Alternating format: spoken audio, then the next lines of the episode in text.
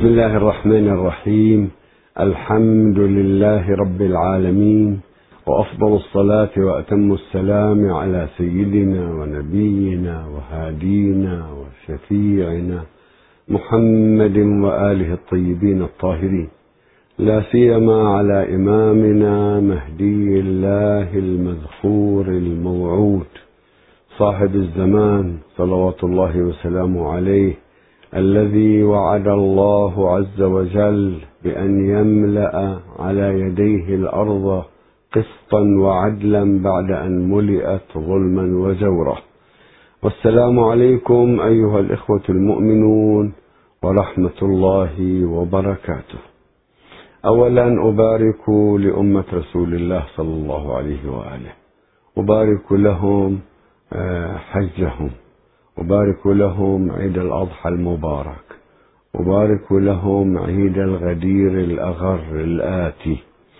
وأسأل الله عز وجل أن يوحد قلوب أمة نبيه رغم فتن المفتنين ورغم سعي الساعين ورغم تفريق المفرقين أسأل الله عز وجل أن يوحد قلوب أمة رسول الله صلى الله عليه وآله على الخير والهدى والعزة والمحبة. وهنيئا للحجاج حجهم كتبنا الله معهم. هنيئا لمن يفرح بعيد الله عز وجل ويفرح بعطاء الله وبنعم الله. وأسأل الله عز وجل أن يرينا أعياده وأيامه في هذه الأمة صعدا. نحو خيرها وتقدمها وسعيا حثيثا إلى لقاء إمامها الموعود أرواحنا له الفداء. إخواني الأعزاء موضوعنا الإمام المهدي عجل الله فرجه وأيام الله تعالى. نحن في أيام الله ونحن في أعياد الله عز وجل. نعطي فكرة عن الأيام أيام الله سبحانه وتعالى وعن الأعياد الإسلامية ومعناها. ثم إن شاء الله نتابع أسئلتكم ومواضيعنا في هذا البرنامج. عندنا آيتان. في القرآن الكريم عن أيام الله عز وجل. آية في سورة إبراهيم الخامسة وفي سورة الجاثية. الآية 14 يأمر الله عز وجل يقول لموسى أن أخرج قومك من الظلمات إلى النور وذكرهم بأيام الله. أيام الله. ذكر قومك يا موسى بني إسرائيل أبناء يعقوب ذكرهم بأيام الله عندهم. هذه واحدة عندنا الآية الأخرى أعم. قل للذين آمنوا يغفروا للذين لا يرجون أيام الله ليجزي قوما بما كانوا يكسبون. يغفر للذين لا يرجون أيام الله. إذا أيام الله ترجى. أيام الله الآتية. أولا هذه الآية كلام عن أيام الله الآتية. فما معنى أيام الله عز وجل؟ في الأرض في حياتنا. كل يوم هو لله سبحانه وتعالى وكل الكون لله عز وجل. هذه الأيام هي مراحل محطات. أيام الله ورد في تفسيرها عند الشيعة والسنة. أنها أيام نعماء الله وبلائه. هذا كما في مسلم المجلد السابع صفحة 105 مسند أحمد 521 أيام الله عن النبي صلى الله عليه وآله أيام الله نعماؤه وبلاؤه. وروينا نحن روى أئمتنا عليهم السلام ذلك لكن روينا إضافة لها. في حلية الأبرار. اثنين أربعمائة وعشرين ذكرهم بأيام الله. قال رسول الله صلى الله عليه وآله أيام الله نعماؤه وبلاؤه ومثلاته. النعماء العطاءات البلاء الامتحانات المثلات العقوبات. إذا أيام الله في المجتمع البشري ثلاثة أنواع وليس نوعان فقط كما روى إخواننا. كلنا اتفقنا عن النبي صلى الله عليه وآله أن لله أياما في الأرض. هذه هي أيام النعماء والبلاء والمثلات. ما معنى الأيام في المجتمع البشري؟ ما قال الله عز وجل أيام تتعلق بتكوين الكون؟ أيام خلق الله السماوات والأرض. نعم هذه أيام الله. أيام آه، يجمع الله الخلق. نعم هذه أيام. أيام آه، في المستقبل. أيام تتعلق بالناس وليس بالطبيعة. لا أيام خلق الشمس لا أيام خلق الأرض لا أيام تكوين الكون لا أيام الفصول. أيام اجتماعية. تمر على المجتمع البشري. إذا هذا المجتمع البشري فيه أيام لله عز وجل. اليوم الذي يعطي الله النعمة للمجتمع وتكون مميزة هذا يوم الله. يوم الغدير. الله من على هذه الأمة بولي بعد نبيها وأمر ورفع بيده هذا يوم الله. وارد عند الجميع. أن يوم عاشوراء من أيام الله. رواه السنة والشيعة يوم من أيام الله. لماذا؟ لما حدث فيه ولما أخبر النبي صلى الله عليه وآله أنه سيحدث فيه. إذا هذا من أيام الله. أولا أيام الله مصطلح مفتوح وليس مقفلا. وأيام الله هذه الأيام العظيمة. التي تملأ بالنعم أو التي يكون فيها ابتلاء شديد يوم بدر من أيام الله.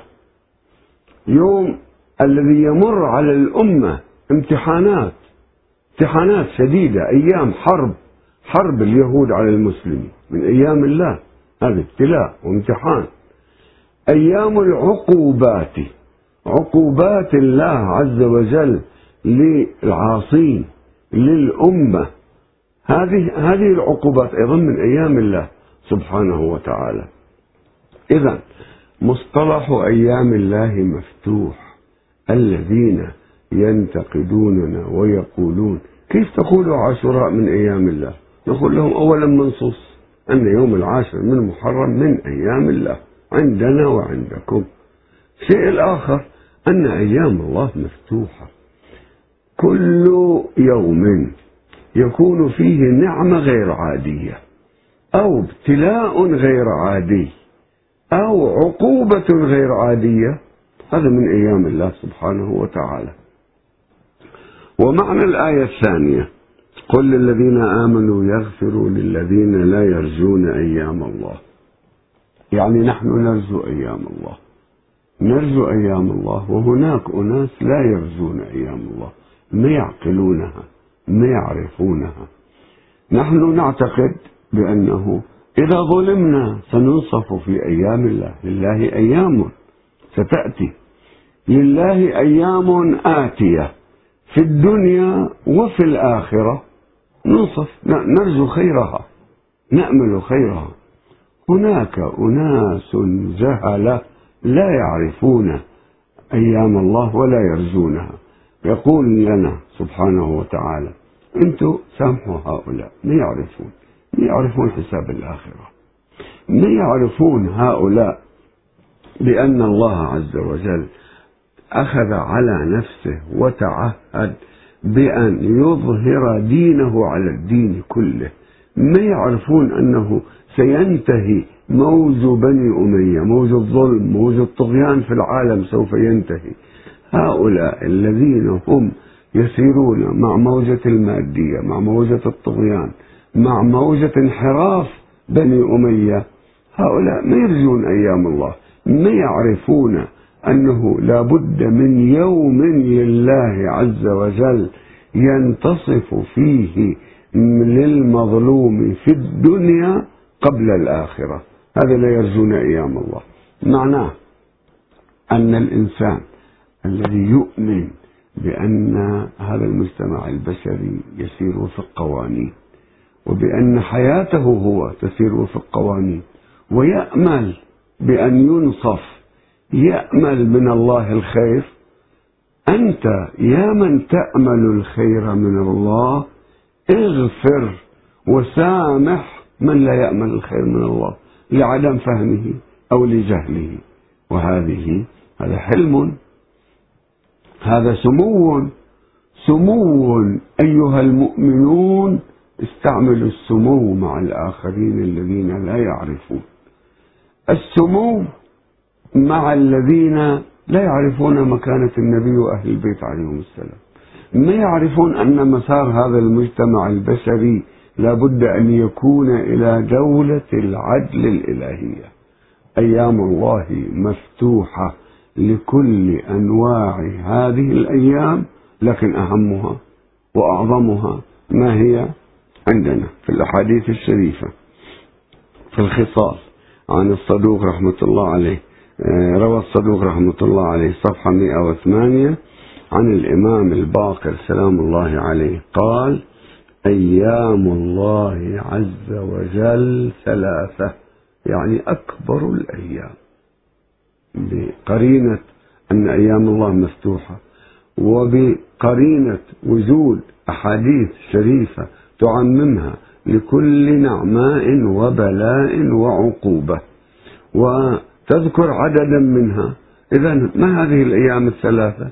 هذه أكبر أيام الله. يوم يقوم القائم صلوات الله عليه ويوم الكرة ويوم القيامة. ثلاثة. ثلاثة أيام هذه أيام الله في الأرض. يعني في مسيرة المجتمع البشري. منذ أسكن الله عز وجل آدم في الأرض. هناك محطات مراحل آه، منعطفات كبرى في حياة المجتمع البشري. أولها يوم ظهور الإمام المهدي سلام الله عليه. إذا ظهر الإمام هذا يوم الفاصل هذا يوم الله. اليوم الموعود هذا يوم ظهور الإمام المهدي سلام الله عليه. ينهى الظلم من على وجه الأرض ويعم العدل. ما معنى أنه بعدها يوم الكرة؟ يوم الكرة كأنه مرحلة أخرى أيضا. الكرة بمعنى الرجعة. مرحلة أخرى كأن الإمام المهدي سلام الله عليه يحكم ويقيم دولة العدل ويحقق انفتاح الأرض على الكواكب الأخرى على العوالم الأخرى وتستمر دولته يعلم الله خمسين ألف مئة ألف سنة كم يشاء الله عز وجل. هناك مرحلة في دولة الإمام المهدي سلام الله عليه يكون فيها الرجوع كأنه حالة تواصل بين عالم الآخرة وعالم الدنيا. هناك نظرية أنه في الواقع الكون يسير إلى الآخرة. والآخرة آه، آآ آه، الآخرة يوم انفتاح الغيب على الشهادة. إذا يوم الكرة مرحلة أخرى جديدة في دولة الإمام المهدي. سلام الله عليه ويعود الأنبياء والأئمة. كيف؟ إنهم نظام. كيف يعودون؟ غير الرجعة. هناك فروقات في تعابير النبي والأئمة عليهم السلام. الرجعة من عند ظهور الإمام سلام الله عليه يبدأ الرجوع. ناس يرجعون من قبورهم يحيون ويكونون مع الإمام سلام الله عليه. في حياة الإمام أو بعد الإمام المهدي سلام الله عليه. هناك مرحلة رجوع. الإمام الحسين يرجع. يرجع ويحكم والأحاديث في ذلك صحيحة. إذا هذا نوع من الرجوع. الكرة مرحلة جديدة أخرى. الكرة مرحلة من أيام الله عز وجل في مسيرة دولة الإمام المهدي سلام الله عليه. ويوم القيامة يوم القيامة يوم النضج. نضج المخلوقات نضج المجتمع البشري. استكمال الامتحان الإلهي للمجتمع البشري. استكمال الامتحانات.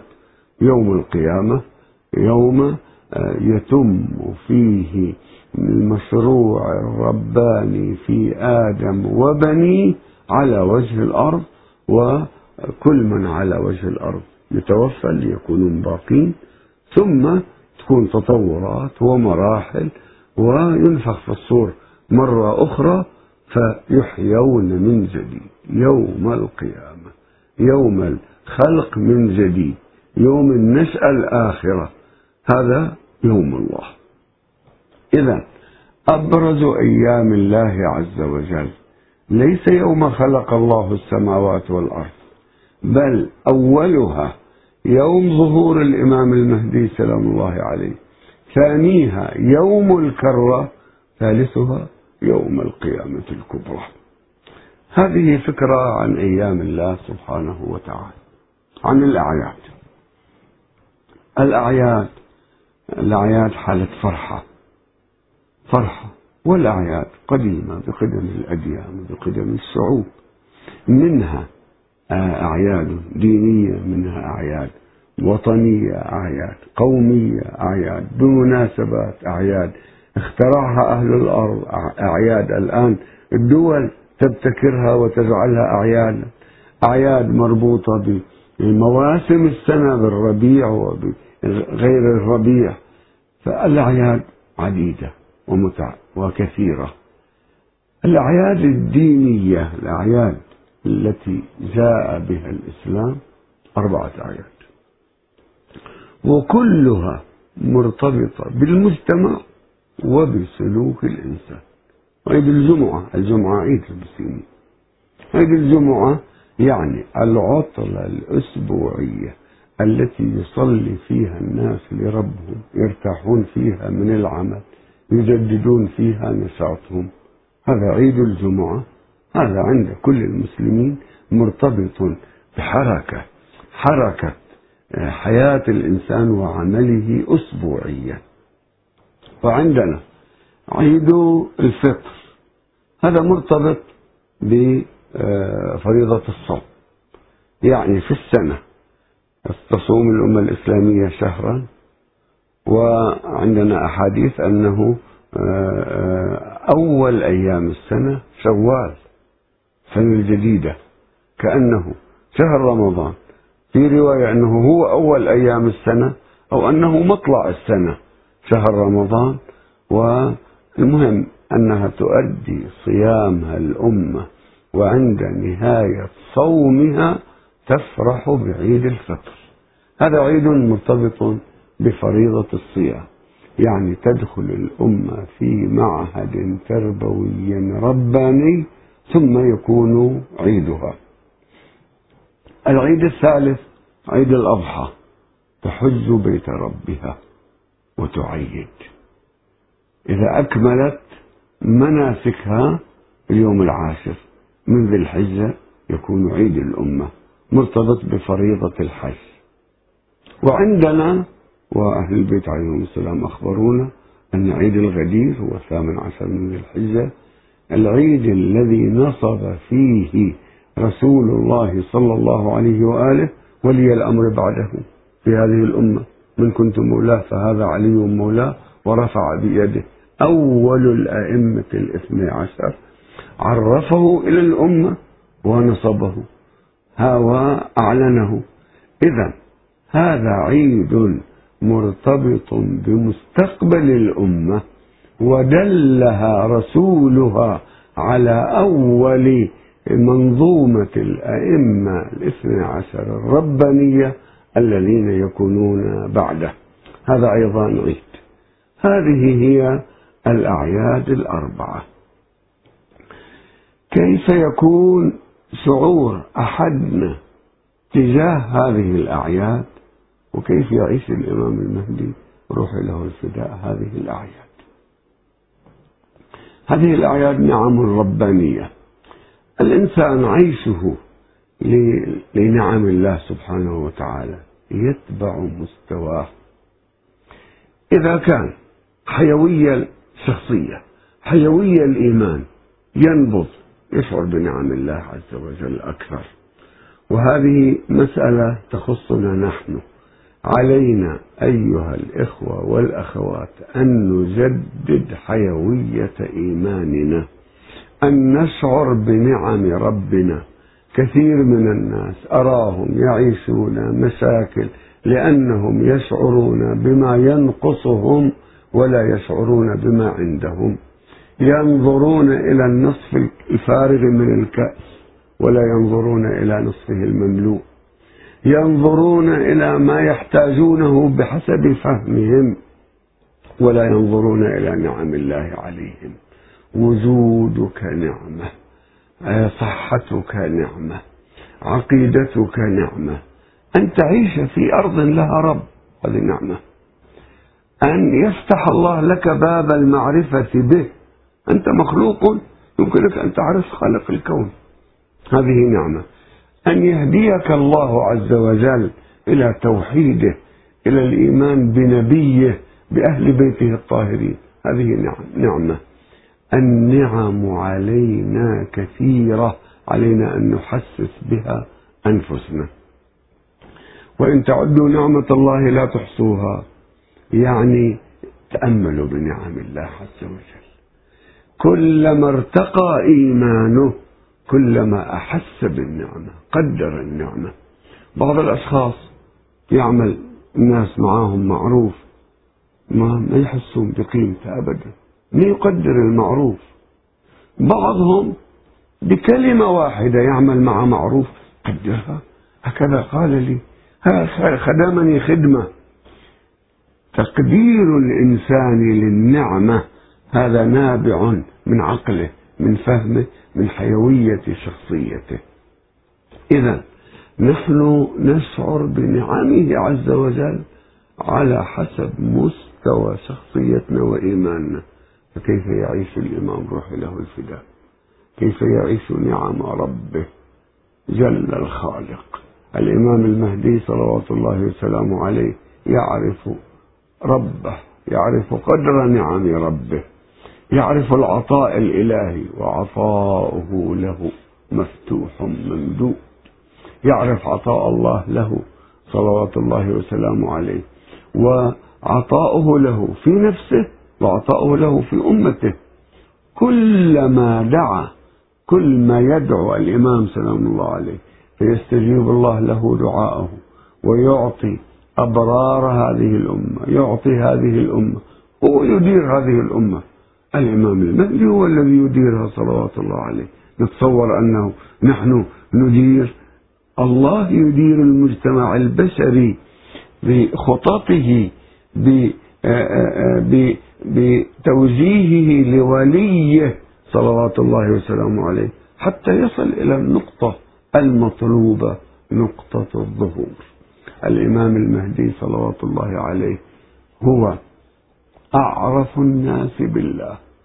أشكر الناس لنعم الله. أعبد الناس. صلوات الله وسلامه عليه. هو يعرف قيمة نعم الله. صلوات الله عليك. أيها الولي ومبارك لك. عيد الله الأعظم يا سيدي. مباركة لكم. هذه الأعياد الكريمة. مبارك لك يا ابن رسول الله. أن الله خصك بنعم عظيمة ومد في عمرك حتى يتم مشروعه بك. والله غالب على أمره ولكن أكثر الناس لا يعلمون. هذه فقرة. عندنا بعض الأسئلة. الأخ سعد الشمري يقول من هو وكيل الإمام الحجة صلوات الله عليه في وقتنا الحالي. الوكيل عندنا وكيل خاص ووكيل عام نائب خاص ونائب عام. الإمام المهدي روح له الفداء. بمعنى النيابة الخاصة ما له وكيل الآن ما له وكيل. لم يوكل أحدا. هو مغيب بأمر الله عز وجل مثل الخضر وجنود الله في الغيب وعندهم مشروعهم ويعملون به. قد يلتقون. لكن ما يوكل أحد. إذا ادعى أحد أنه وكيله أو مبعوث منه نقول له ما نقبل منك هو هو نفى صلوات الله عليه. إلى متى؟ إلى ظهور السفياني واليماني. يعني بضعة أشهر قبل ظهور صلوات الله وسلامه عليه. يمكن أن يرى ويعين وكيلا. اليماني وكيله واليماني يحكم. وينطق باسمه ممثله الحاكم باسمه. قبل ذلك عندنا يسمون يسموهم النواب العامون الوكلاء العامون. فقهاء الأمة كل من بلغ رتبة الاجتهاد وكيل بهذا المعنى للإمام سلام الله عليه. يعني هو موكل بلغ الأحكام في حدود صلاحياتك تبين لهم.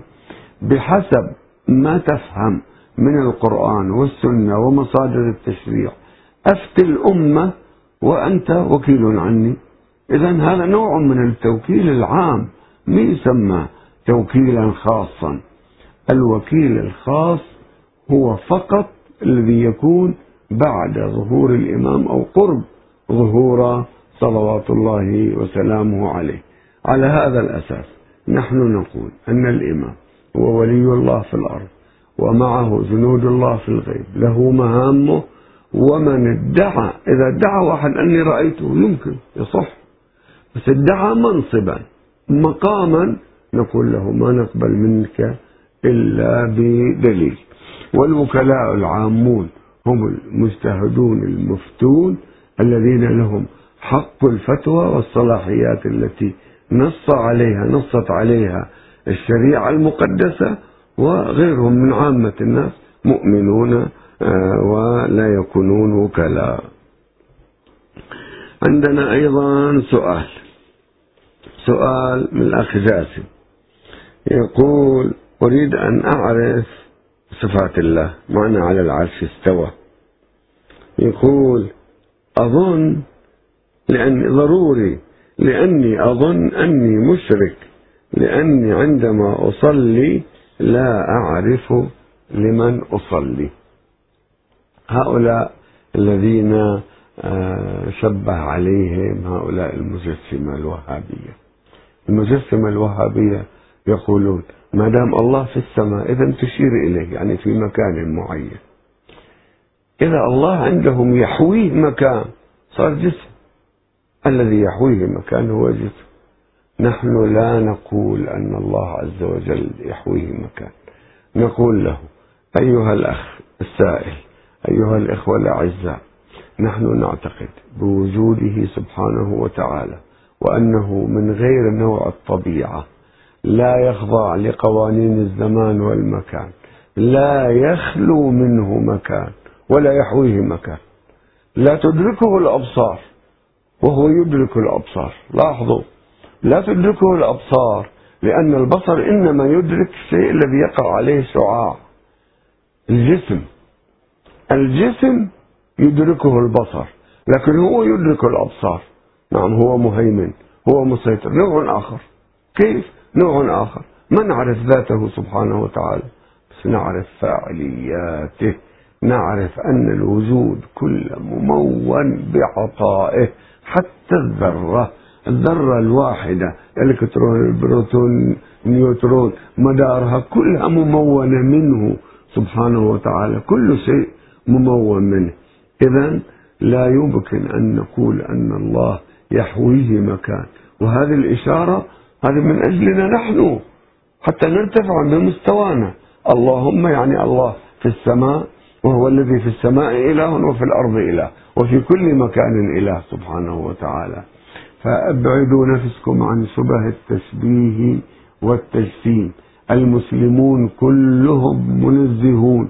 الشيعة المعتزلة أتباع المذاهب الأربعة كلهم منزهون. عندنا شرذمة ابن تيمية المجسمة هؤلاء ما تتأثروا بأفكارهم وأن الله يصعد وينزل وأن الله على شكل شاب أمرد يحويه مكان. سبحانه وتعالى تبارك وتعالى عما يصفون. هذه آه، بعض الأسئلة إن شاء الله نتابع. بقية الأسئلة بعد الفاصل. بسم الله الرحمن الرحيم. نتابع أسئلة الإخوة الله يبارك فيهم. سؤال يقول هل كل ما موجود في كتاب الكافي وبحار الأنوار هو صحيح؟ الجواب. الجواب أنه هناك منهجان في تصحيح وتضعيف الأحاديث. منهج يعتمده بعض المذاهب أنه آه، يوجد شخص قبل 1200 سنة.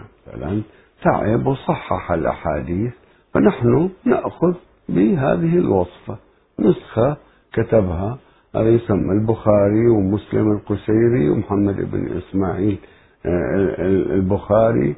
هؤلاء كتبوا فإذا نحن نقبل ما صححوه من الجلد إلى الجلد. وهذا منهج غير علمي. المنهج العلمي الذي نتبناه نقول أن كل ما روي عن النبي صلى الله عليه وآله وأهل البيت عليهم السلام والصحابة وغيرهم كله مواد علمية محترمة لكن لابد أن تخضع للبحث العلمي. كيف تخضع للبحث العلمي؟ هناك أصول أصول للبحث العلمي في عقل وفي آه، كتب. جرح وتعديل كتب الرجال من روى هذا الحديث. أولا نسبة الكتاب إلى مؤلفه. ثم من روى هو صادق فيما يقول قال أخبرني فلان عن فلان عن فلان إلى النبي صلى الله عليه وآله إلى المعصوم صلوات الله عليه. لازم ندرس السند هذا الحديث واحدا واحدا. لازم ندرس متن هذا الحديث. متن هذا الحديث عندنا متشابه ومحكم في السنة. نرجعه إلى القرآن. إذا لابد أن نخضع كل حديث للبحث العلمي. من يخضعه؟ في كل عصر. الأمة الإسلامية لازم يكون فيها مجتهدون مراجع هم الذين يستنبطون ويكون فيها متخصصون في التصحيح والتضعيف والناس يرجعون إليهم.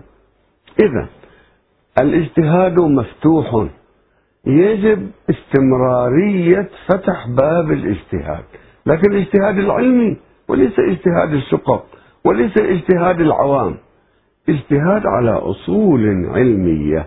نقول أن كل حديث مروي لا بد أن يخضع للبحث العلمي.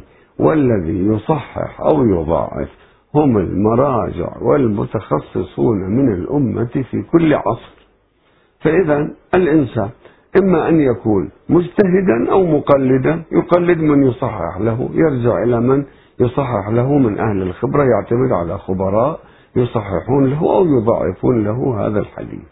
هذا هو المنهج الذي ندعو له والذي نعمل به في أحاديث النبي وأهل البيت عليهم السلام. لذلك كتاب الكافي عندنا في ستة عشر ألف حديث.